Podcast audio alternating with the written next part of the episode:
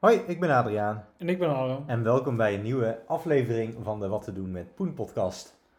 Ja, en dat doen we nu eens een keer vanaf een nieuwe locatie, hè? Ja, wat vind je ervan? Ja, mooi. Ja, we zitten in eh, Adriaan zijn nieuwe stulpje, samen met Eva dan. En eh, ja, het ziet er top uit, Adriaan. Je hebt echt een hele mooie badkamer, echt een mooie keuken ook.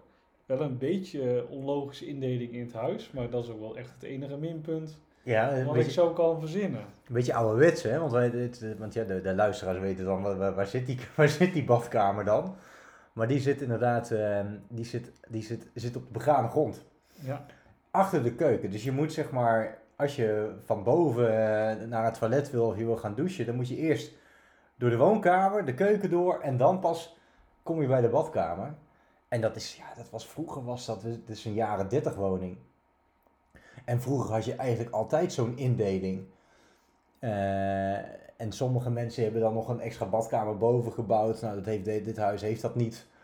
Maar ja, het is, eh, maar het is, het is dan wel weer een vrij nieuwe badkamer. ja nee, het is absoluut een luxe, eh, moderne badkamer. Nee, nee, normaal heb je daar dan inderdaad het hok zitten, waar dan de vriezer staat. En, Precies, zo'n- zaken. bijkeukentje Ja, zo'n zo. bijkeuken, ja, dat is wel Ja. het woord. Ja, ja. maar dat hebben jullie inderdaad niet. Maar ja, dat, dat is ook echt het enige. Ik vond het eh, veel moderner dan ik eigenlijk had verwacht eh, toen Ja. ik hierheen ging. Ja, maar we zijn ook super blij. En dat eigenlijk, want dat zei ik ook al eh, tegen jou, voor maar 30.000 euro, zeg, ik- zeg ik dat goed? Ja. Ja, t- 20 of 30.000 euro meer dan voor mijn studio-appartement. Ja, Dat is echt een... maar dat is- vastgoedhandelaar Von Harenberg is ook wel heel goed geweest hè, afgelopen jaar. ik denk dat ik gewoon van baan moet switchen ja, en dat ik er vastgoed in moet gaan. ja, want eh, jij hebt jouw appartement nog in de hoogtijdagen ongeveer verkocht vorig jaar. Daarna is de markt al iets ingezakt. Toen heb je dit gekocht. En van de week was het nieuws dat, dat, Ja. de, dat de huizen weer stegen. Ja, Dus je hebt op de piek het dalletje, wel echt een groot dal is dan ook niet geweest, eh, heb je zitten kopen en verkopen. Dus dat heb je heel netjes gedaan. Ja, ja, ik zei al tegen Eva, we verkopen de boel weer. En dan, eh, dan, en dan gaan we weer tijdelijk, want Eva's ouders hebben een appartement van Eva nu verhuurd aan iemand anders. En dan gaan we in de tussentijd gewoon weer even terug naar jouw oude appartement. En dan kopen we weer als de prijzen naar beneden gaan. Nou, en over, over tien jaar dan hebben we een dikke villa. Ja, zeker als je zo doorgaat, dan is dat zeker tot een mogelijkheid. Maar jij zei nog heel even zo tussendoor van baan eh, wisselen. Daar hebben we volgens mij wat nieuws over. Maar zullen we eerst starten met... Luisteraars, opgelet! Harm en Adriaan zijn geen financieel adviseurs. Het gebabbel in de komende podcast is alleen bedoeld voor entertainmentdoeleinden. Ja, want jij eh, gaat weg bij de gemeente Apeldoorn, Adriaan. Nou, ja, had je het, had je het verwacht? Ja. Nou ja, ik had, ik had het zeker verwacht. Nee, dat, dat, het, is, het, is niet, eh, het, is, het is geen verrassing of zo. Eh, jij, jij woont vrij ver van de gemeente. Nou, ik heb het nog lang volgehouden wat dat betreft. Ja, maar, maar dat, ik denk dat dat ook door corona komt. Ja, dit is het. Nee, maar nou zes, eh, eh, een paar dingen, weet je. Ik zit bij de gemeente, ik vind het hartstikke leuk bij de gemeente Apeldoorn. Alleen na zes jaar is het sowieso wel, wel, wel een keer klaar en een keer tijd voor wat anders. Ehm, en de reisafstand, ja, die kult je dan. En inderdaad, in de coronatijd, nou, kon je gewoon vanuit huis werken, dus dan heb je er, niks, eh, heb je, dan heb je er geen last van. maakt reisafstand niks Dan uit. maakt het niks, dan maakt het niks uit. Alleen na de corona, ja, dan wordt ook verwacht dat je weer eh, soms weer fysiek naar kantoor gaat. En daarbovenop vind ik echt het afgelopen half jaar werd er echt wel weer fysiek eh, overlegd. Dus werd er echt wel weer van je verwacht dat je wat vaker naar kantoor ging. Ja, toen dacht ik bij mezelf, nou, dit- ik denk niet dat ik dit heel lang nog ga doen. Ja. En toen eh, ben ik eh, door een eh, collega, die huren wij in van een adviesbureau, ben ik benaderd of dat iets voor mij is om dat te doen. En ehm, nou, ik heb daar gesprekken mee gevoerd, en superle superleuke gesprekken mee gevoerd. Nou, salarisonderhandelingen gestart en er ook uitgekomen. En eh, nou, vanaf september ga ik daar starten. Ja, gefeliciteerd. Dan Goed, hè? nogmaals. Hartstikke goed. En jij, Harm? Dan ben je een beetje tevreden over je salarisonderhandelingen? Nou, ik, eh, in, in eerste instantie kreeg ik een aanbod en dan, dan, dan, ging ik er eigenlijk op achteruit. En toen heb ik ook gezegd van nou, dat doe ik niet. Ik ga, niet, eh, ik ga geen switch maken en erop achteruit. Eh, toen heb ik best wel stevig ingezet. Eh, en toen hebben zij gezegd van nou, dat kunnen wij ook niet bieden. Eh, nou, en, en da- daar vond ik wat van, want ze, ze hadden aangegeven, goh, andere collega's die, van jouw leeftijd, die krijgen ook niet zoveel betaald. Dus het moet wel een beetje overeenkomen met wat we ook andere collega's geven. Nou, dat vind ik eigenlijk een onzin, vind ik een beetje onzinnig. Want ik denk dat je gewoon betaald moet krijgen naar wat je presteert en niet naar hoe oud je bent. Eh afijn. Ehm, eh, alleen hebben we toen wel afgesproken dat ik inderdaad iets meer zou gaan verdienen. Eh, maar per januari krijg je opnieuw een herijking van de salarissen. Dus ook dan krijg ik een salarisverhoging. En als ik die salarisverhoging heb, dan verdien ik wel wat meer dan nu bij de gemeente Apeldoorn. Ehm, alleen, het is, ik denk at the end dat ik. Nou ja, en, en tegelijkertijd heb ik ook afgesproken bij de, bij de werkgever dat ik hogere stappen kan gaan maken of ga maken als bij de gemeente Apeldoorn. Eh, maar ja, dat is natuurlijk ook iets wat eh, misschien ook een beetje een verkooppraatje kan zijn. Dat weet Ja. je natuurlijk nooit. Ja. En bij de gemeente Apeldoorn heb je elk jaar, hè, misschien goed voor de luisteraars, elk jaar krijg je er wat bij. Tenminste, wij, eh, wij zitten vrij laag in een schaal. Eh, en elke schaal heeft hoeveel treden? Elf. 11 traders. Dus dat betekent dat je als je onderaan de schaal begint, dat je 11 jaar, Ja, elk jaar eh, in de schade dat wij zitten, ga je ongeveer elk jaar 150 euro bruto erop vooruit. En daarbovenop komt dan nog de CAO-verhoging. precies. Dus En dat, eh, wij zitten voor mij allebei in drie of vier. Dus wij hadden nog wel wat jaartjes te gaan, zeg maar, tot op het einde van de schaal zitten. precies. Eh, dus, nou ja, dus dat heb je ook wel meegenomen volgens mij met de onderhandelingen. Van ja, eh, ik, wil niet, eh, ik wil ook wel garantie hebben dat ik wat meer ga Ja. verdienen. Want dat, ik weet zeker dat ik bij de gemeente Apeldoorn meer ga verdienen over een paar jaar. Precies. Precies. En eh, nou ja, dus, dus dat, die gesprekken hebben we gehad. En toen kreeg ik meteen ook het tegenargument van, ja, doe je het dan voor het geld? Nou, niet per se, maar ik vind dat dan wel belangrijk. Ja, Ja, anders dan tuurlijk. maak je die overstap ook niet. Ja. En ik zie de, ik ga voor een adviesbureau werken, zie ik ook niet als eindstation. Hè, ik, eh, ik zie mezelf over een paar jaar, als ik echt wel wat meer ervaring heb, ook voor mezelf beginnen. Ehm, en, en met alle respect, dan kun je ook veel meer gaan verdienen als je, ga, als je, als je ziet zeg maar, wat voor uurtarief die projectmanagers hebben die zichzelf verlonen. Ja, dat is natuurlijk van een hele andere orde groot als wat ik per uur ga verdienen bij, eh, bij dat adviesbureau. Ja. Ehm, dus ik zie het ook niet als echt een, een, een hele duurzame investering dat ik daar echt tien jaar blijf. Je weet het natuurlijk nooit. Maar zeg maar, in die lijn is het ook wel logisch om deze stap nu een keer te maken, ook voor mijn ervaring. Dus al met al, ik heb een nieuwe baan, september, ik ga er wat op vooruit en ik heb er zin in. Ja, dat is de korte samenvatting. Heel goed.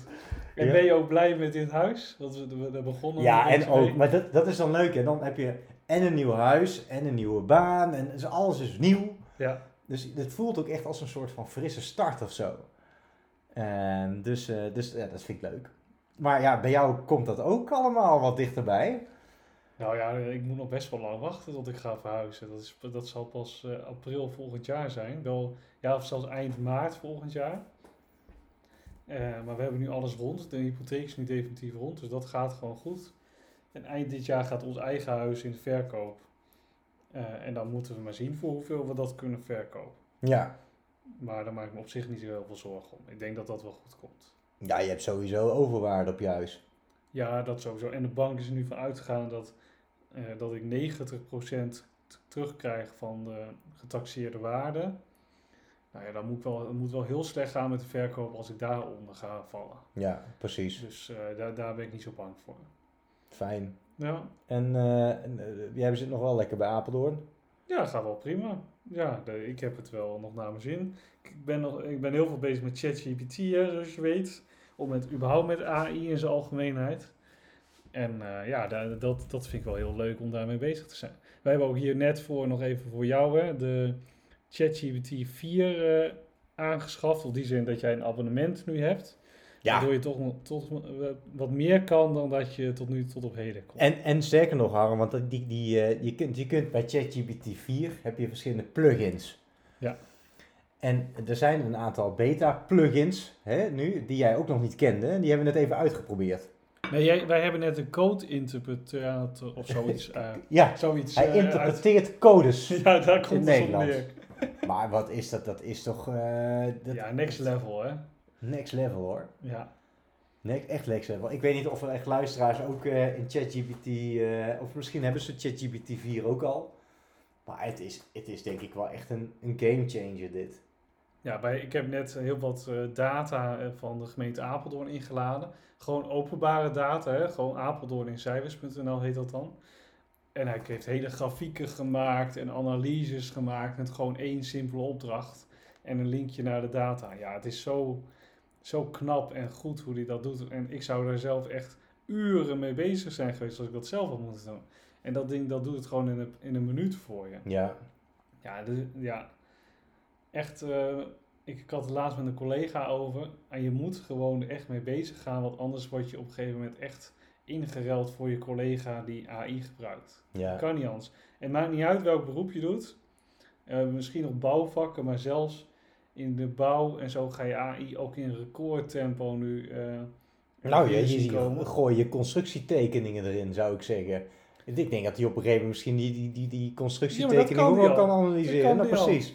Ja, maar het is, het is zo fascinerend wat allemaal kan. En elke dag verbaas ik me wel weer, oh, kan die dat ook? Het is, het, het, eh, ja, het is ongelooflijk. Maar En wat... Ja, Het scheelt me echt al zoveel uren in de week, Ja. Adriaan, dat ik dit gewoon gebruik. Ja. Het is echt, ja, Maar het wat we nu doen, want dat is misschien ook wel leuk om te vertellen. Wat ik vooral heel veel doe, is, is eh, op mijn werk het, het- dat ChatGPT eh, eh, teksten voor je schrijft. Ja. Dus dan moet je in een een of andere... Soms dan denk je van, god, ik moet nou een mailtje schrijven naar iemand. En ik moet... Ik, ja, dat, je, je bent vaak soms zoekende naar van, hoe, hoe zet ik dat nou op papier? Ja. En dan, dit moet erin en dat moet erin. En die, die vraag heb ik, maar eigenlijk... Even die context moet er ook in gefietst worden. En, nou, je gooit het allemaal in ChatGPT. Maak daar een logische mail van of zo, hè? En je drukt op enter en er komt een, een, een, echt een, een prachtige mail komt er dan uit. Super professioneel. Super professioneel. Ja, Nou, en als je dan, soms dan, dan, dan heb je in, je in je uitvraag, misschien was je niet scherp genoeg en krijg je dan ook een, een, een eh, en dan zeg je, goh, weet je, dit erin of dat eruit. En nou, en op een gegeven moment, je- met een paar klikken heb je gewoon alles op papier staan wat je Ja. eigenlijk wilde zeggen. en dan, en dan lijkt je ineens dat, heel, dat je heel goed bezig bent. Hè? Ja. Ik heb echt, eh, ik, heb best wel, ik krijg wel regelmatig complimenten over de teksten die ik schrijf. Maar echt de laatste maanden krijg ik ze telkens vaker. Maar het is de hele tijd door ChatGPT geschreven.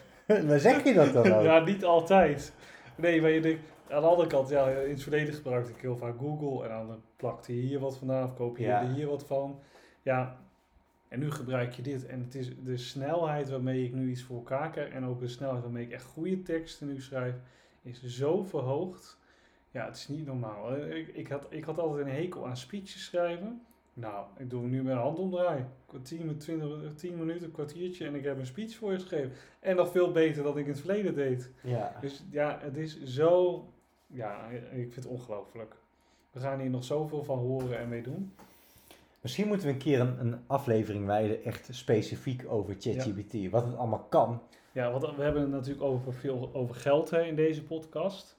En wat heeft ChatGPT daar nou mee te maken? Nou, AI is gewoon de toekomst, daar gaat al het geld heen. Dus als je ook geld wil maken, zul je ook in die wereld moeten zitten. En eh, niet voor niets dat wij hier vaak Render hebben aangeprezen al om te kopen. Dat is gewoon een van de AI-coins. Eh, Ocean hebben we ook nog recent bijgekocht in ons portfolio. Is ook een AI-coin, die is ook flink gestegen. Dus echt, dat is zo de toekomst. Daar, daar, daar moet je gewoon bij zijn. We gaan, het, we gaan maar eens hebben over ons portfolio. Ja? Hoe staat het ervoor? Nou, wij hebben, eh, ik heb gisteren nog even zitten rekenen. Wij hebben 5250 euro ingelegd in Bitfavo. En we staan nu op 5762. Dus we staan 500 euro in de plus. Nou, Eh, ja, is dat goed of slecht? Eh, het, ik, ik, had, eh, ik had beter gehoopt. Eh, tegelijkertijd staan we nog steeds in de plus, hebben 10% winst in een jaar tijd. Nou, daar kunnen niet veel ons nazeggen. Nee. dus da- dat op de, in dat opzicht gaat het best wel goed. En ik, ja, weet je Adriaan, ik, ik heb de, de laatste weken dacht ik wel, zeker toen begin juni nog Bitcoin flink daalde, van komt het dan nog wel goed, hè? Dan begint ineens toch de twijfel naartoe te slaan. En dan heb ik mezelf echt gedwongen om te kopen, kopen, kopen. Dus dat heb ik ook braaf gedaan. Maar niet echt zo van harte van, nou, dit doe je. Maar toen kwam op een gegeven moment het nieuws van BlackRock. Weet je wat BlackRock is? Nee. Nee. Dat is een eh, vermogensbeheerder uit Amerika. Zij eh, hebben 9500 miljard dollar in beheer. Hoeveel? 95 miljard? 9500 miljard. Nou, jeetje zeg. Dus dat is, ja, dat is gewoon meer dan 9000 miljard dollar. Dus dat, ja, dat, ja, dat is. Ik zou niet eens weten hoe ik dat moet beschrijven, hoeveel geld dat is.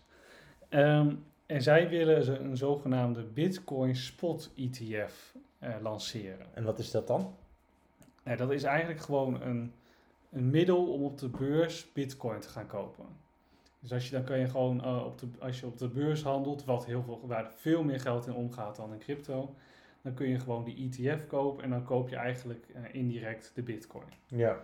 Eh, en dat maakt voor heel veel mensen het veel makkelijker om aan Bitcoin te kopen.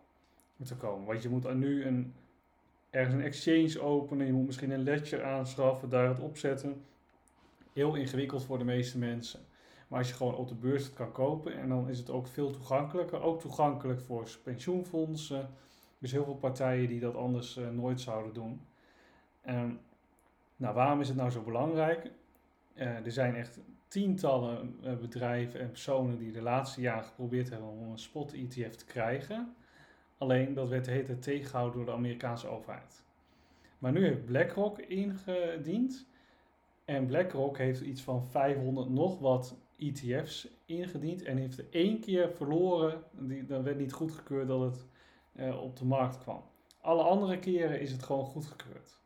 En dat doen ze natuurlijk omdat ze heel nauw we- samenwerken met de Amerikaanse overheid. Dus echt precies vragen, nou mag dit wel, mag dit? En als we nou zo doen, mag het dan wel? Mhm. Dus nu hebben er heel veel mensen hoop dat die Bitcoin Spot ETF dus er echt van gaat komen. En nu heeft dus BlackRock ingediend, maar ook iets van vijf, zes andere hele grote fondsen die ook duizenden miljarden bezitten, hebben nu ook zo'n Spot ETF aangevraagd. Nou, vorige week was er een beetje paniek omdat de SEC, zeg maar degene die dat moet controleren van de Amerikaanse overheid, had gezegd, eh, nou eh, dit en dit eh, vinden we nog niet helemaal goed. Maar ze hebben het inmiddels alweer geüpdate en nu is het weer door. Dus ja, nu is de verwachting dat tussen. Het zou zo vroeg als augustus kunnen zijn, het zou zo laat als maart volgend jaar kunnen zijn, dat die een keer geaccepteerd wordt. Maar bijna iedereen die in die wereld zit, in de financiële wereld, die heeft nu wel het geloof dat die wel echt goedgekeurd gaat worden. Want BlackRock zou dit niet doen als ze niet zouden weten dat ze een hele grote kans maken om het eh, door te laten gaan. Oké, en dat, maar daarmee komt dus potentieel heel veel geld op de markt. Nou ja, je ziet nu al dat eh, er zijn al wel wat fondsen her en der in de wereld. Dat daar al heel veel meer bitcoin gekocht is door instituties. Eh, je ziet ook dat we nu weer boven de 30.000 dollar zitten. En daar zitten we ook redelijk stabiel op. Eh, je ziet dat zelfs Larry Fink, dat is zeg maar de CEO van eh, BlackRock, heeft ook op de Amerikaanse televisie gezegd dat bitcoin digitaal goud is. Nou, eh, in het verleden heeft BlackRock ook, ook eens een keer een ETF voor goud gelanceerd.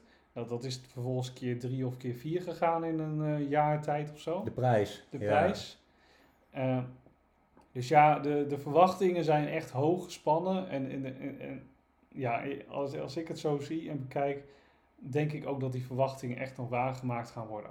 Waar heb je het dan over? Ik denk dat we als die spot ETF eh, gelanceerd is, dat je binnen een jaar minimaal op 60.000 dollar zit, maar zelfs naar boven de 100.000 dollar zou kunnen kijken. En wanneer krijgen we daar eh, uitslag van dan? Of het is gehonoreerd of niet? Ja, dat, dat, eh, dat weet je niet heel erg ver van tevoren. Maar dat zou eh, tussen nu, zeg maar, dus augustus, dus tot maart volgend jaar. En dan, dan kan het ook zijn dat het dan BlackRock goedgekeurd wordt of een andere partij. Dat heel snel daarna ook alle andere ETF's worden goedgekeurd. Ja, en als dat gebeurt, Adriaan, dan, eh, dan, dan zijn we binnen. Dus ik zit ook echt weer te overwegen. Ik heb twee jaar geleden, of drie jaar geleden, drie jaar geleden denk ik al, is een keer mijn aandelenportefeuille geleegd en allemaal in crypto gestopt. Ik moet dan weer een deel verkopen en het daarin stoppen. Dus Ik heb daardoor wel echt wel een stuk meer vertrouwen gekregen om, dat, eh, om echt wel fors weer bij te komen. Dus ja, dat, dat- het wordt echt wel een leuke tijd hoor, Adriaan. Jij, ik weet dat jij, jij kijkt alleen maar naar die nummers en denkt, nou, schiet ook maar niet op. Maar het, het, het is echt eh, zo goed nieuws wat er aankomt, of wat eigenlijk al bezig is. Eh, Ja, ja, als, het, als dat doorgaat is het inderdaad heel erg goed nieuws. ja, maar de, de kans dat het doorgaat is gewoon ook echt aanwezig. Deze jongens hebben 9500 miljard in beheren. Daar gaat de Amerikaanse overheid niet even tegen zeggen, ja, dit gaan we niet doen, beste mensen. Zij hebben gewoon, ze hebben, als je ook dat hele interview met Fox luistert van die Larry Fink, die gelooft ook echt in de blockchain, dat het met name de financiële wereld gaat veranderen. Die heeft het echt omarmd. Nou, daar kun je dan vanuit Bitcoin perspectief nog ook nog wel wat van vinden. Want ja, Bitcoin is juist een beetje tegen, juist tegen dat soort partijen. En nu wordt het Ja. omarmd. Ja. Eh, maar Allah, eh, ze gaan, er gaan, je, je weet gewoon dat zij zoveel toegang hebben tot zoveel geld. Ja, als die echt instappen, dan, dan is het feest. Ja, Nou. ik- ik kan me niet anders voorstellen dan dat het feest wordt. We gaan duimen, zal ik maar zeggen.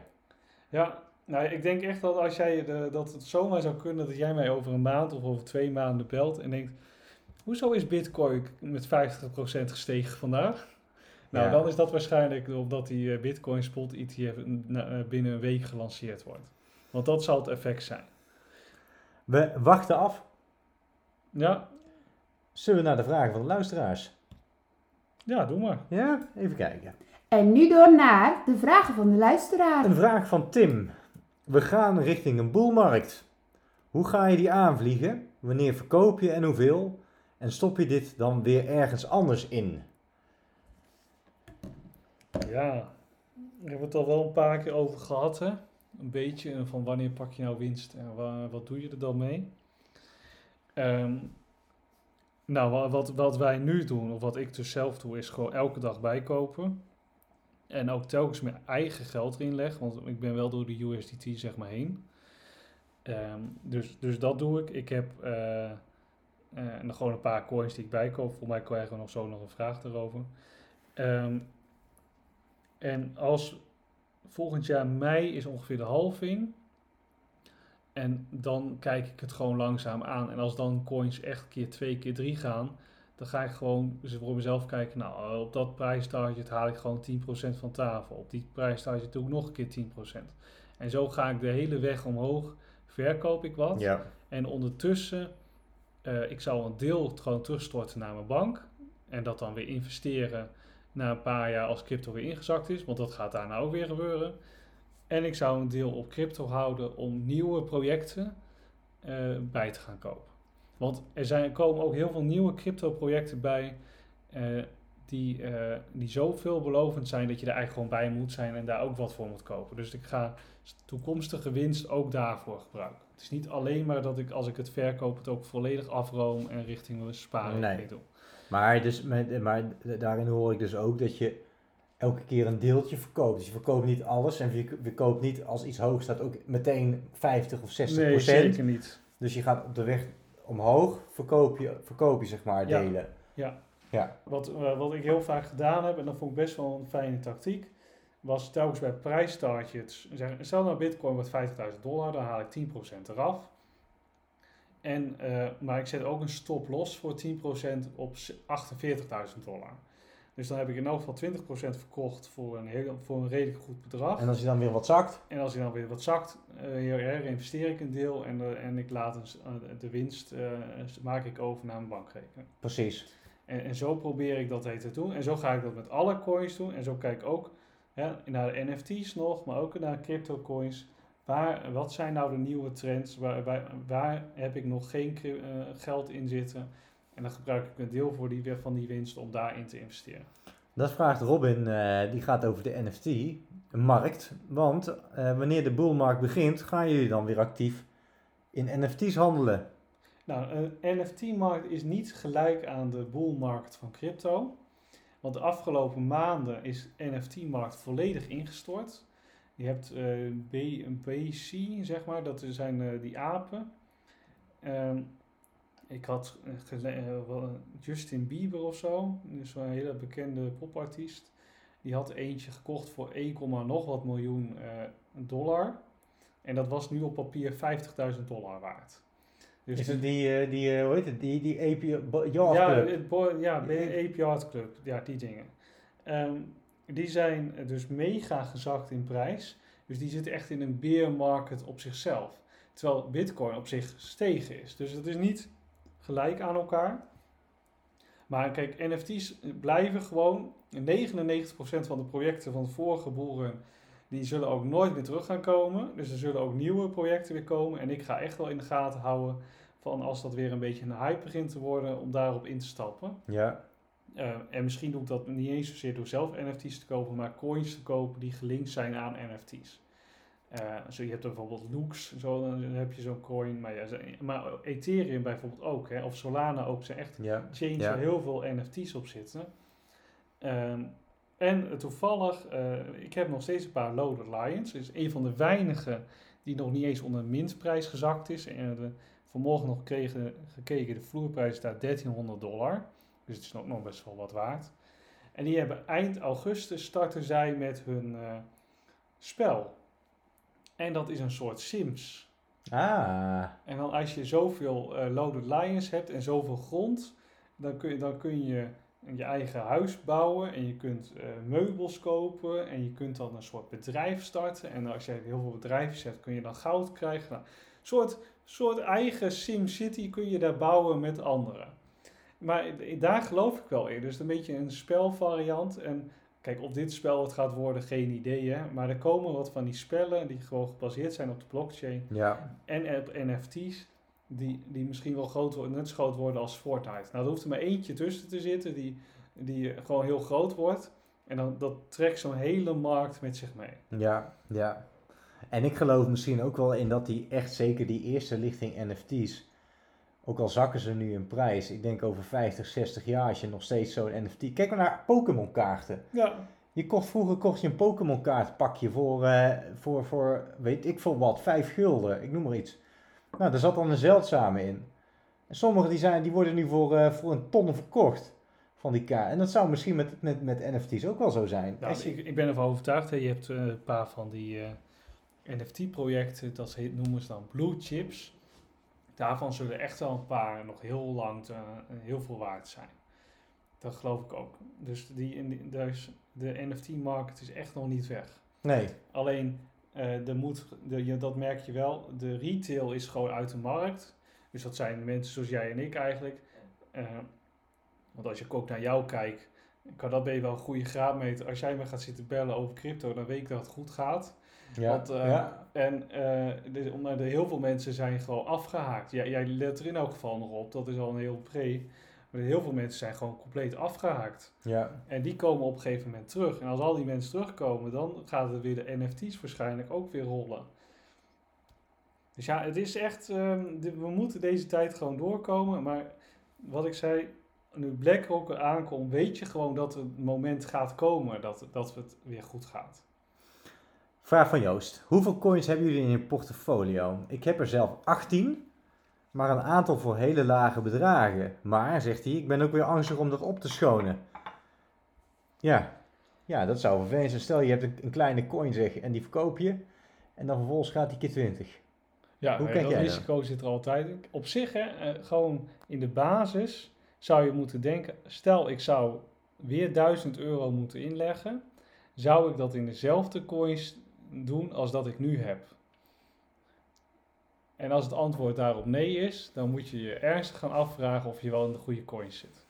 En natuurlijk loop je het risico dat je dan er net eentje verkoopt die over een maand keer 20 gaat. Nou ja, dat, op zich in deze markt is dat nog niet eens zo'n risico, maar het zou wel over een jaar kunnen, het geval kunnen zijn. Mhm. Maar toch, als je een beetje spreidt over de verschillende eh bandjes waar we het wel vaak over gehad hebben, over DeFi, NFT's, nou ja, noem maar op, Ja, eh, AI-coins. Eh, als je daar een beetje een spreiding in hebt en je hebt overal ergens één of twee echt goede coins zitten, dan zit je wel goed. En 18 is gewoon best wel veel. En ja. wij hebben in ons eigen portfolio 1, 2, 3, 4, 5, 6, 7, 8, 9, 10 verschillende coins. Wat best wel veel is. Maar even wat ik zelf heb op mijn eigen crypto-account. Dat is best wel een goede vraag trouwens. Heb ik ook helemaal niet zo. Ik denk dat ik ook, ik denk dat ik een vergelijkbare aantal heb, misschien iets minder. 1, 2, 3, 4, 5, 6, 7, 8, 9. Nee, nee ik, denk, ik denk dat ik 11, 12 coins heb. Ja, dus 18 is wel relatief veel. Ah, 18 is best wel veel. Ja. Ja. Maar ja, Maar- dat, is ook, gewoon- dat is ook gewoon een keuze. hè, En dat, het kan uiteindelijk ook gewoon goed uitvallen. Ik zelf heb ook nog wel, ik speel nog wel met ideeën als ik dan het geld van de beleggingsrekening afhaal. Om gewoon een stuk of acht echt kleine coins te gaan zitten. Verdeeld over verschillende categorieën. En Zoals we destijds met CAZ zeg maar gedaan hebben. En dat gewoon het geld vergeten. En dan hopen dat het keer, keer eh, 40 keer 50 Ja, gaat ja. om er zo in te zitten. Maar met grote geld eh, gewoon in de grotere coins zetten, eh, verspreid over de verschillende mandjes. En dus niet alles op NFT, niet alles op DeFi, ehm, en niet alles op L1 zoals Solana of Ethereum, maar gewoon een beetje spreiden. En dan zullen er altijd in de boelmarkt wel een paar tussen zitten die echt wel naar, boven knallen. Oké. Dan een vraag van Christian. Christian, als de grote fondsen in crypto gaan stappen, ETF wordt goedgekeurd, heeft dat dan initieel met name een positief effect op Bitcoin en later ook op de alts? Of zal het meteen positief zijn voor de hele markt? Dat is wel een vrij technische vraag. Wat denk jij, Adriaan? Nou, je ziet, ik denk eh, dat het. eh, je ziet zeg maar in de, in de cryptowereld toch altijd als bit, dat, dat in eerste instantie als bit, dat bitcoin gaat stijgen. En als bitcoin gaat stijgen, dat dan vervolgens de als meegaan. Ja. Dus zeg maar, ik denk dat dat, dat effect, zou ik, zou ik zeggen, zou je hier dan ook terug kunnen zien. Ja, denk ik ook. En ik denk niet dat in één keer alles hup, omhoog gaat. Nee, je gaat wel een duidelijke verschil denk ik zien tussen bitcoin en de altcoins. Omdat al die instituties zullen niet zo snel naar altcoins gaan. Maar mensen zoals jij en ik die ook vroeg bitcoin hebben gekocht, zullen dan een beetje winst pakken op bitcoin. En dat geld gaan herinvesteren in de In alt. altcoins. En de altcoins hebben veel minder geld nodig dan bitcoin om omhoog te gaan. Precies. Dus je zult daar onherroepelijk effect zien. Maar ik denk niet dat je bijvoorbeeld, als, als stel bitcoin gaat keer 5 hè, naar 150.000 dollar, dan is het niet gezegd dat alle altcoins ook keer 5 gaan. Dan zullen er een paar keer 100 gaan, maar het kan ook zomaar zijn dat een paar grote altcoins keer 3 gaan. Ja, ja, En niet keer 5. precies. Dus, daar, eh, dus je kunt er niet één op één leggen, maar het heeft onherroepelijk een positief effect op, op de rest als heel veel geld in bitcoin gaat zitten. Alleen al om het simpele feit dat heel veel mensen zoals jij en ik ook in bitcoin zitten, daar dus heel veel geld mee verdienen en dan denken, oh ik heb zoveel geld over, ik ga wat altcoins kopen. Precies. Tot slot een vraagje op de valreep. Hebben seizoenen nog invloed op de markt? Ja, ik heb daar die vraag nog even proberen te verduidelijkheid te krijgen, want ik denk niet dat zozeer als het nou warm is of koud buiten is, dat dat invloed heeft. Maar eh, dus ik vroeg met name naar de maanden. Nou, traditioneel is het zo, en dan vraag me niet waarom, september is een gewoon een slechte maand. Oké. Eh, juli is... Nou, maar dat snap ik misschien. Ja, dat snap ik misschien wel in het kader van vakantie of zo. Mensen die zijn op vakantie, die zijn er wat minder mee bezig. Is dat een... eh, is dat nee, een, september, hè, dus september Dan is zijn we- mensen een vakantiemaand. Ja, al is net terug, hè? Dus Ja. is net terug. Of mensen denken van, nou, ik heb niet zo... Ik moet mijn energie weer steken in het werk. Maar goed, dat, dat is een... Nou ja, te- ga verder met je... Ja, nou, eh, juli is traditioneel echt een hele goede maand. Ehm, eh, en dan eh, december, november zijn over het algemeen ook wel goede maanden. Al is december met name de laatste weken dan weer heel tricky. En dat is op zich te verklaren, omdat dan de boeken bijna afgesloten worden. ja, ja, en, dan ja. moet er, eh, en dan moet er belasting betaald worden over de winst. En wat mensen dus doen, heel verstandig, is als ze belasting moeten gaan betalen, de- in elk geval het belastingdeel uit de markt trekken om die belasting te kunnen betalen. Want dat moet va- vaak pas een paar maanden later. Ja, Ehm, dus dat soort effecten zie je terug. Ook altijd, eh, ja, soms moeten bedrijven verantwoorden wanneer ze hoeveel geld ze verdiend hebben. Dat moet ook elk kwartaal of elk half jaar. Nou, dat soort momenten zie je ook dat het heel volatiel is. Dus er zit zeker verschil in tussen welke maand, als je het over tientallen jaren bekijkt. Maar je kunt niet van tevoren zeggen, nou januari wordt sowieso een topmaand. ja. Maar het is wel, als je puur even naar crypto kijkend, dan zie je dat september echt gewoon een ru- rukmaand is. 9 van de 10 keer gaat het gewoon naar beneden. Mei is vaak een slechte maand. Eh, en juli, augustus zijn over het algemeen best goede maanden. En juni ook. En dat hebben we ook wel gezien. Juni was niet bijzonder goed, maar was ook niet slecht. Nee. Eh, en januari, februari zijn over het algemeen ook redelijke maanden, omdat dan weer net het nieuwe jaar start en mensen willen wel hun targets halen, dat ze zoveel winst halen. Dus er wordt heel veel extra geld in de markt. is zo, maar dan heeft het dus meer met het belastingklimaat te maken eh, dan sec met het weer. Al- Als wij bijvoorbeeld in juli eh, ineens alle belasting moeten gaan doen, zal waarschijnlijk het heel erg anders gaan, zo heel, Ja, zo heel ja, cyclus. Dus het is niet zo, mensen zitten in de winter eh, binnen. Dus die denken, ik ga Nee. eens wat meer investeren in crypto. Nee, Ik heb toch niks te doen. Nee. Ja, dat zag je wel in coronatijd, hè? Ja, Maar oh ja. eh, dat, is, dat is dan wel echt een uitzondering op de regel. ja. ja. Oké, was er weer voor vandaag. Ja, ik dacht dat jij nog wat wilde vertellen over jouw nieuwe plannen eh, als het gaat om beleggingen. Gaan we de volgende keer vertellen. Oké, Wordt vervolgd.